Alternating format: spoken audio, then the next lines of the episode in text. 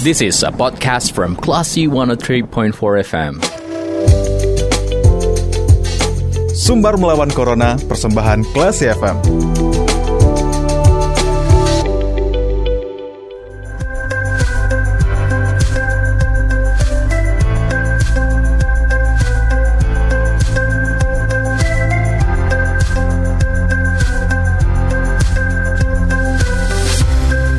103,4 Klasi FM, this is the actual radio Klasi People. Masih bersama saya Bimo Alvaro dan saatnya Anda kembali mencermati sumber melawan Corona. Uh, bersama saya Bimo Alvaro dan juga tersambung dengan narasumber kita di sore hari ini. Klasi People, Baru-baru ini gejala badai sitokin semakin menakutkan masyarakat ya. Bagaimana tidak, kondisi ini dapat meningkatkan risiko kematian bagi pasien. Tak hanya menyerang pasien yang masih dinyatakan positif COVID-19, badai sitokin juga bisa terjadi pada orang yang sudah negatif virus corona. Sindrom badai sitokin mengacu pada sekelompok kondisi medis ketika sistem kekebalan memproduksi terlalu banyak sinyal inflamasi, kadang-kadang menyebabkan kegagalan organ dan juga kematian. Untuk itu di sore hari ini kita sudah tersambung via line telepon, ada Bapak Mulyadi selaku politisi yang akan bercerita seputar perjuangannya terpapar COVID-19 dan juga badai sitokin. Langsung kita sapa. Assalamualaikum Bapak Mulyadi. Waalaikumsalam. Gimana kabarnya Pak hari ini? Uh, Alhamdulillah sehat. Salam sehat. Baik Bapak, salam sehat juga. Uh, ya, ini siapa? Mas siapa? Mas Bimo Pak. Mas Bimo. Mas Bimo. Oke, okay. salam kenal ya Pak ya. Dari apa? Radio apa? Klasi FM Padang. Klasi FM. Iya. FM. Iya, kelas FM ya, Padang, Bapak. Ya. Oke, Bapak. Oke. Uh, kita boleh dengar cerita Bapak seputar uh, pengalaman Bapak terpapar COVID-19 dan juga badai stok ini, Pak. Kalau boleh tahu, ini kapan Bapak dinyatakan positif COVID-19? Jadi, saya itu persisnya itu sekitar tanggal 4 Januari, kalau nggak 4 Januari hmm. 2021 ya, 2021. Hmm uh, tadinya saya merasa saya apa uh, pusing-pusing ya kepala itu pusing ya. Terus pas uh, kok makan rasanya kurang nafsu makan hilang juga kan. Hmm. uh, saya kira itu cuma pusing biasa saja kan saya makan uh, minum obat biasa. Tapi kok setelah tiga hari kok nggak sembuh sembuh gitu kan. Saya periksa ke dokter terperiksa di salah satu rumah sakit swasta di Jakarta ya. Hmm. Uh, ternyata disuruh saya swab, ternyata positif. Positif, uh, saya kaget juga saya. Saya selama ini kan merasa ya rasa-rasanya ya mungkin waktu itu ya di masyarakat juga mungkin juga termasuk saya merasa ya COVID ini masih belum belum inilah ya.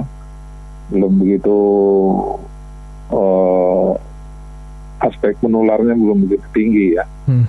karena saya kalau dilihat selama saya kampanye 2019 itu masuk kampung keluar kampung kerumunannya luar biasa kerumunan banyak sekali kerumunan yang yang apa yang bertemu tatap muka dengan saya waktu itu kan waktu kampanye gubernur kan. Hmm uh, bahkan kadang ya kita ada yang pakai masker ada yang enggak ya. Waktu itu kan belum begitu ini prokes gitu ya. Uh, merasa nggak ada masalah ya uh, nggak ada sedikit pun gejala-gejala kita uh, apa tidak enak badan dan lain sebagainya. Uh, justru pada saat puncak itu kalau nggak salah Januari itu puncak itu di Jakarta ya saya nggak tahu di Indonesia juga mungkin ya hmm. sempat mencapai 14 ribu ya kalau nggak salah puncak. Jadi pada saat itu saya uh, apa dikasih obat, dicoba hanya uh, berobat jalan ya. Saya uh, isolasi di rumah saja. Uh, tapi setelah satu minggu ternyata ini tidak tidak terjadi penurunan ini apa uh, gejalanya bahkan pada hari ke-7 atau ke-8 saya lupa ya. Itu panas saya sempat 38,7 derajat hmm. Celcius kan. Saya, saya sudah apa, beli alat ini kan pengukur suhu. Terus beli juga oximeter kan. Oke. Okay. Ah, terus menurun juga. di, di bawah 95 uh, ininya oksigen.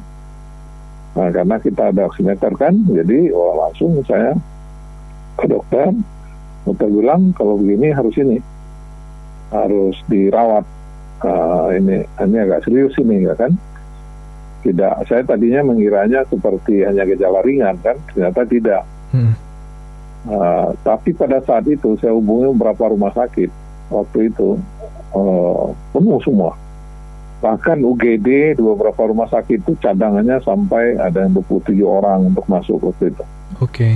Ini waktu yang Januari ya, periode Januari Februari 2021. Bukan yang uh, Juli kemarin. Kalau Juli kemarin lebih dahsyat lagi kan. Iya. Uh, sehingga akhirnya karena ya saya cukup kenal lah ya sama dokter sama rumah sakitnya sudah sering di sana dicarikanlah satu ruangan yang uh, sebetulnya udah penuh UGD-nya. Satu ruangan dimanfaatkan sebagai UGD, dipasang infus dan lain sebagainya. Satu malam di UGD, kebetulan besoknya itu ada pasien dokter tersebut yang mau udah mau sembuh, udah mau pulang, saya uh, uh, tanggal 9 ya, uh, ya tanggal 9-nya, tanggal 10 ya, tanggal 10-nya masuk di uh, kamar, ada kamar untuk di perawatan. Jadi memang uh, gejalanya tidak tidak seperti ya saya tanya sama teman-teman yang kena gejala ringan kan biasa saja, tapi ada juga yang teman-teman yang gejala yang berat. Jadi saya sangat khawatir juga, terus terang sangat khawatir juga waktu itu. Hmm. Kemudian di ronsen kan, di CT scan kan. Nah, jadi yang bikin khawatir itu, kenapa dokter langsung ambil tindakan itu, itu dilihat di timur saya itu di atas seribu, hmm. 1050 ya kalau nggak salah. Itu kan uh, biasanya kan kalau COVID itu yang diperiksa di dimmer, terus yang lebih uh, ini lagi CRP saya itu kan uh, indikator peradangan itu sangat tinggi sekali. Oke. Okay. Yaitu saya itu kalau nggak salah 100 lebih. Itu normalnya hanya 5. Hmm. Jadi ada peradangan hebat itu kan di tubuh saya waktu itu kan. Terus uh, hasil dari CT scan dari paru-paru saya itu ada ground glass gitu kan. Jadi ada putih-putih gitu wah. Ada flek gitu ya, Pak? Itu oh, ya putih-putih namanya istilahnya dia ground ground glass ya apa istilahnya putih-putih. Oke. Okay. Jadi dia udah nyerang paru-paru. Hmm. Makanya langsung dokter ambil tindakan langsung ambil tindakan jadi uh, saya langsung apa langsung masuk UGD karena uh, diusahakan ya sama dokter, sama manajemen rumah sakit dan langsung dirawat. Alhamdulillah ya, mungkin karena itu sudah ditangani langsung, ya macam-macam obat lah. Hmm. Macam banyak sekali obat yang saya makan waktu itu. Pokoknya berbagai jenis obat yang yang yang terbaik lah hmm. nah, yang diberikan. Ya termasuk juga salah satunya kalau orang Inggris bilang betametason itu kan katanya obat dewa kalau di Inggris karena itu juga dimasukkan hmm. suntikan melalui apa melalui uh, infus kan.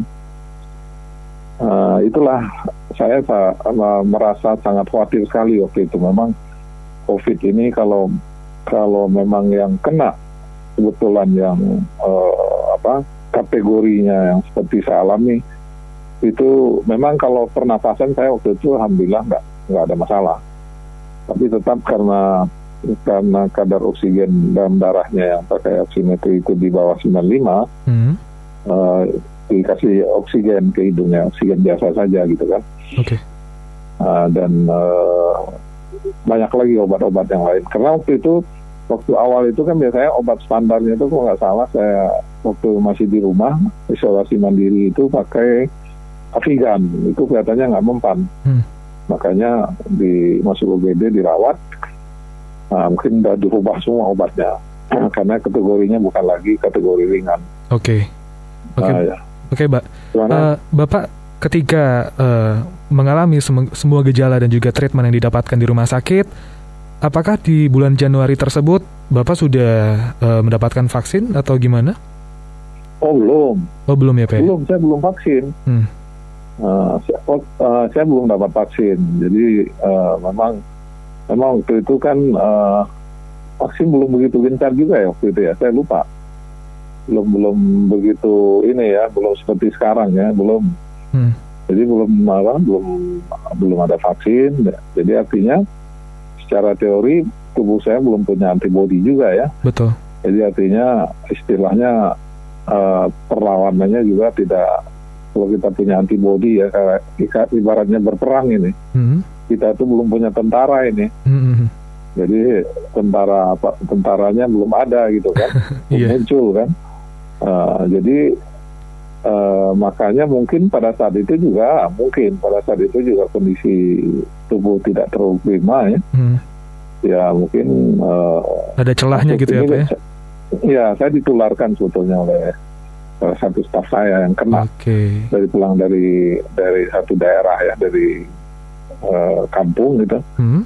Uh, saya baru tahu jadi uh, setelah itulah uh, saya betul-betul merasakan bahwa COVID itu betul-betul uh, nyata ya pak ya ancaman bukan lagi nyata sebuah yang sangat serius. Oke. Okay. Nah, saya terus terang secara jujur saya sangat khawatir sekali waktu itu. Ya saya merasakan ya saya kan termasuk selama ini uh, tidak pernah sakit lah ya. Hmm bahkan itu mungkin pertama kali dirawat di rumah sakit ya pertama kali uh, dalam sejarah saya dirawat di rumah sakit dan nggak boleh dilihat oh. kan karena nggak boleh karena covid ini kan nggak boleh betul keluarga kan nggak boleh masuk ke ini oke okay. uh, jadi ini yang juga membuat kita kadang-kadang makin ya makin gak nyaman tapi dokter bilang ini bikin suasananya supaya kita uh, jangan stres oke okay. harus happy gimana gitu kan Oke, Gimana? Silakan, Pak. Berbicara Jadi seputar uh, uh, ketika Bapak dibatasin untuk bertemu dengan keluarga, pastinya Bapak juga ada nih pikiran-pikiran yang mulai datang, pikiran-pikiran buruk yang mungkin mengganggu uh, rasa nyaman Bapak. Kalau boleh diceritakan sedikit waktu Bapak dinyatakan uh, terserang uh, terpapar badai sitokin, bagaimana perasaan Bapak? Apa yang Bapak pikirkan saat itu ketika diagnosa diberikan dokter kepada Bapak? Saya nggak tahu persis ya apakah saya kena badai sitokin atau tidak ya. Saya uh, cuma saya lihat. Yang saya tahu waktu itu oh, oh, apa CR, CRP ya istilahnya itu ya. Kalau di darah itu ada uh, eh, CRP itu yang mm -hmm. diperiksa ada indikator CRP di dimer. CRP itu kan peradangan. Peradangan yang tinggi sekali. Mm. Serius ya, serius kan, no, uh, serius gitu kan. Dokter nggak cerita apa apakah saya nggak uh, nanya juga tapi saya merasakan ini cukup serius, uh, sedang. Saya tanya setelah sembuh, saya waktu itu kenanya apa, dok? Pak Mo itu kenanya masuk kategori sedang menuju berat, hmm. makanya langsung kita ini katanya kita lakukan uh, perawatan yang uh, intensif, yang ya. intensif ya ada beberapa dokter. Jadi jadi yang waktu itu yang nangani ada dokter gula. Nah, jadi kan waktu detametason itu di juga kita gula kita naik padahal saya bukan tidak ada gejala gula hmm. jadi diatasin lagi pakai ini pakai obatnya terus uh, ada dokter paru ada dokter penyakit dalam ada beberapa dokter lah gitu yang uh, ini baik bapak uh, apa yang memantau gitu kan kalau di rumah sakit kan setiap berapa jam kan dipantau tekanan darah ini segala macam hmm. jadi memang uh, mungkin juga ya uh, fisik kita akan juga melakukan uh, antibodi kita ya atau obat yang dimasukkan juga melakukan perlawanan ya terhadap dan saya merasa alhamdulillah empat hari setelah di rumah sakit itu sudah merasa agak ini baikan gitu ya. Baikan ya pak ya? Baik. Uh, baikan uh, tapi yang lama sebetulnya saya sampaikan pada kesempatan ini yang lama recovery-nya. Itu yang namanya ground glass yang di paru-paru itu hilang dua bulan itu belum bersih betul. Hmm jadi bahkan ada saya tanya teman saya bahkan dia sudah berapa bulan masih ada ininya karena mereka ada yang kena fibrosis ya katanya. Saya, saya alhamdulillah tidak. Jadi apa? Jadi uh, saya lakukan CT scan, uh, makin lama makin membaik dan alhamdulillah setelah dua bulan setengah itu bisa dikatakan normal lah. Alhamdulillah. Kembali seperti semula, udah hilang semua itu. Baik bapak. Yang itunya. Ketika ditempatkan Tapi, di ruangan ICU, Bapak dipakaikan ventilator atau gimana, Pak? Alat bantu pernafasan? Oh, tidak. Hmm. Karena saya kan kalau ini saya cuma UGD aja. Hmm. Uh, jadi karena kamar nggak ada, kamar penuh ya, hmm. penuh di rumah-rumah sakit, beberapa rumah sakit eh, swasta yang bagus-bagus saya hubungin penuh, harus ditempatkan UGD. Jadi bukan ICU ya. Oke, okay, di UGD. Kalau ICU itu kan sudah memasuki berat dan kritis. Ya, Alhamdulillah masih kategori sedang ya. Baik Bapak. Jadi uh, kategori sedang. Jadi di UGD ya karena kamar belum ada, terus besoknya baru masuk kamar. Mm -hmm. Jadi saya tidak cuma uh, oksigennya cuma oksigen, oksigen biasa aja, belum sampai juga kategori oksigen tekanan tinggi belum. Mm. Oksigen biasa, uh, terus obat biasa dan empat hari alhamdulillah sudah menunjukkan progres yang baik ya pak ya? sudah biasa ya. Hmm. jadi terus saya uh, tapi kan dokter memastikan sembilan hari saya dirawat waktu itu. Sembilan okay. hari baru boleh kembali uh, pulang ke rumah. Nah jadi kalau kategorinya kalau saya tanya ke dokter kategorinya itu ada yang ringan yang ringan itu yang isoman itu. Hmm Uh, terus ada yang sedang, nah saya masuknya sedang.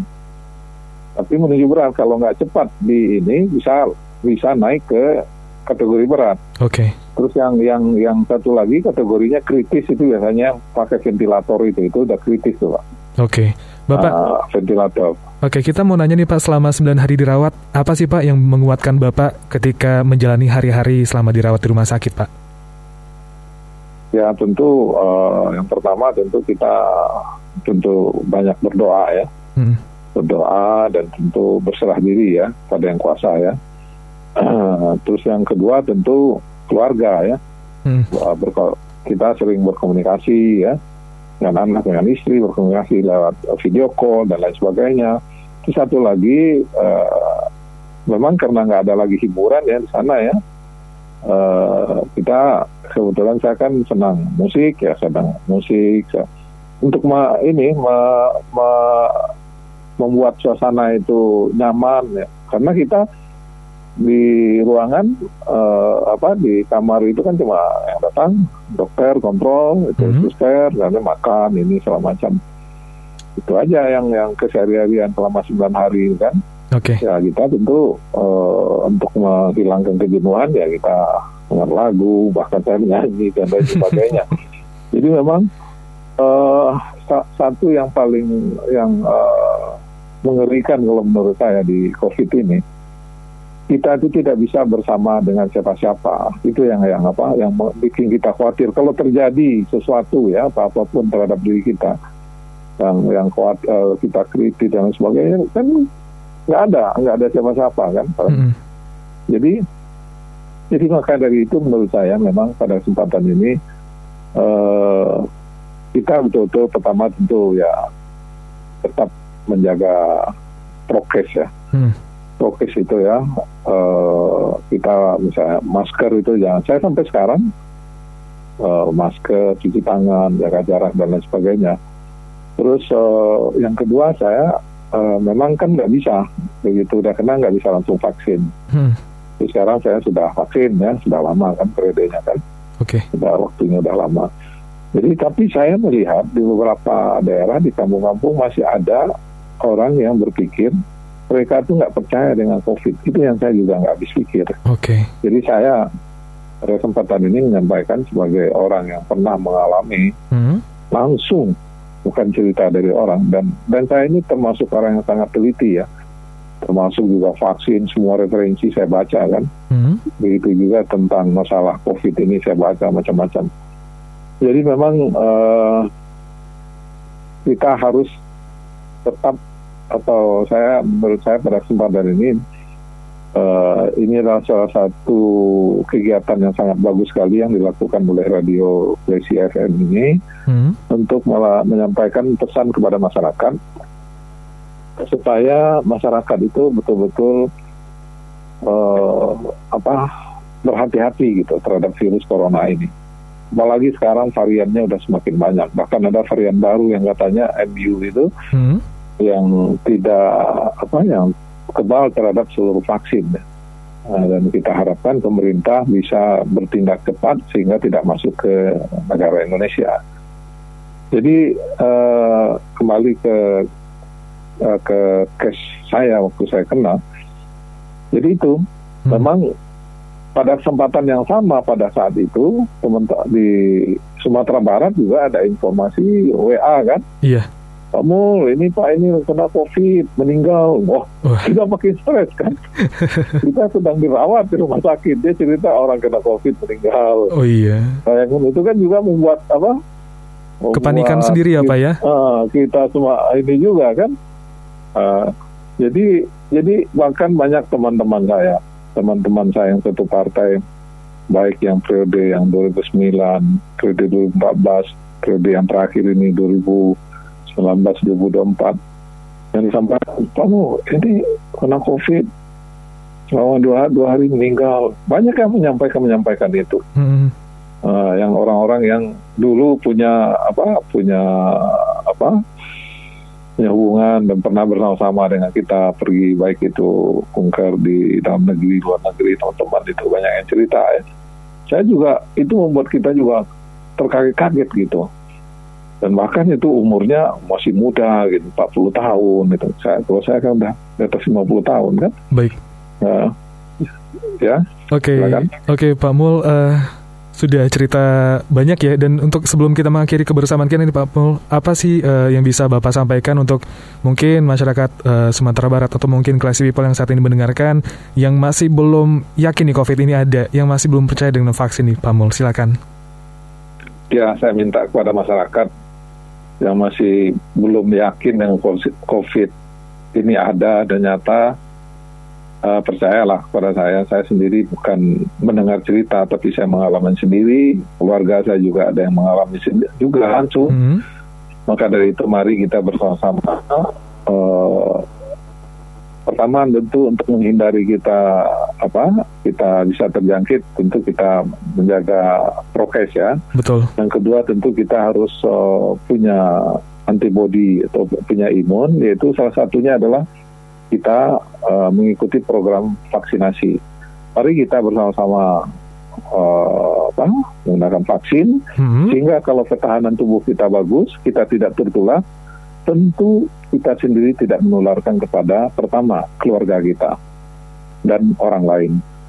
Tentu kita dengan dengan kita menjaga diri kita supaya kita tidak kena virus COVID, hmm. itu adalah bagian dari upaya kita untuk menyelamatkan selain menyelamatkan diri kita adalah juga menyelamatkan keluarga dan orang lain yang berhubungan dan uh, bertemu dengan kita. Jadi saya minta pada kesempatan ini mari kita sama-sama taat prokes, hmm. vaksin. Uh, jangan percaya uh, apa saya dengar sering orang membuat informasi-informasi hoax yang aneh-aneh. Saya pun dulu pernah membaca dan kadang hampir percaya juga dengan informasi-informasi vaksin begini-begini. Hmm. Saya rasa uh, selama tubuh kita sehat, tidak ada apa, tidak ada penyakit yang serius. Uh, kalau di pemerintah menyebutkan autoimun dan lain sebagainya, hmm. itu saya rasa tidak ada masalah. Baik. Jadi mari kita bersama-sama menyukseskan ini. Bukan ini bukan untuk kepentingan pemerintah, bukan untuk kepentingan siapa-siapa ini untuk kepentingan kita semua. Mari Baik. kita menyukseskan bersama. Baik Pak Mul, terima kasih banyak waktunya Pak Mul di sore hari ini. Ya. Semoga ya, cerita Pak Mul bisa menjadi pembelajaran untuk mereka yang masih belum percaya COVID dan masih belum vaksinasi nih Pak Mul. Oke, Oke Pak Mul, terus jaga kesehatan ya. Pak Mul dan uh, ya, sampai ketemu. semua buat teman-teman di Padang. Baik Pak Mul, salam sehat juga ya. dan uh, sampai ketemu di lain kesempatan. Assalamualaikum. Ya. Waalaikumsalam. Baik, kelas people, itu ada Bapak Mulyadi yang bercerita seputar bagaimana pengalaman beliau terpapar COVID dan juga sempat didiagnosa badai sitokin. Uh, demikian sumber melawan corona kali ini, kita ke program selanjutnya. Terima kasih. Anda sudah mencermati program Sumber Melawan Corona. Cermati podcast obrolan ini di www.classfm.co.id atau download aplikasi Classy FM.